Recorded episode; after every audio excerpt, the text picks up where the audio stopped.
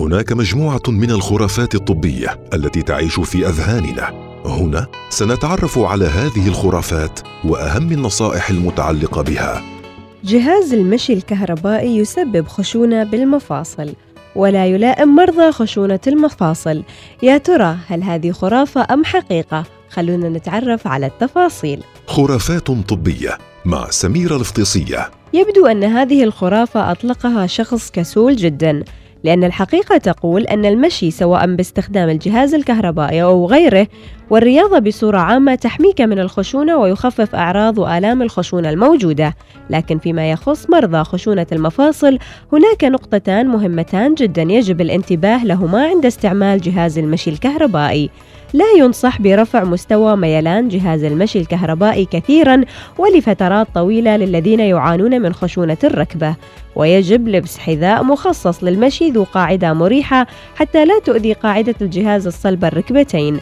وبحسب توصيات الرابطة الأمريكية لمرضى خشونة المفاصل فإن تمرين الجري على الآلة الكهربائية مفيد لمرضى الخشونة بشرط عدم استخدام خاصية رفع مستوى الجهاز. والكثير يسأل يا ترى ما الفرق بين المشي في الخارج والمشي على الجهاز وأيهما أفضل؟ يقول الدكتور أحمد محمد عبد الملك قد يكون المشي في الخارج أفضل من ناحية حرق السعرات الحرارية والمجهود البدني لأنك تستعمل عضلات ومجهودا أكثر لدفع جسمك للأمام عندما تمشي في الخارج. مقارنة بجهاز المشي الذي يغنيك عن مهمة دفع الجسم للأمام فأنت فقط تحتاج إلى أن ترفع قدمك للأعلى وتتحرك قاعدة الجهاز للأمام.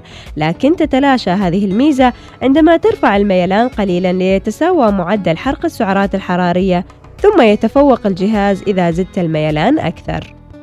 الخلاصة تمشي بالداخل أو تمشي بالخارج تمشي على أرض طبيعية أو تمشي على جهاز للمشي. تمشي بالصحراء أو تمشي بالغابة لا يهم كثيرا أين تمشي. المهم أن تمشي ولا تترك المشي والرياضة. والحقيقة العلمية تقول أن جهاز المشي الكهربائي لا يسبب خشونة بالمفاصل ويلائم مرضى خشونة المفاصل بشروط معينة مثل ما خبرناكم. خرافات طبية مع سميرة الفطيسية يوميا في الأوقات التالية. الواحدة وعشرين دقيقة الخامسة وأربعين دقيقة السابعة وأربعين دقيقة.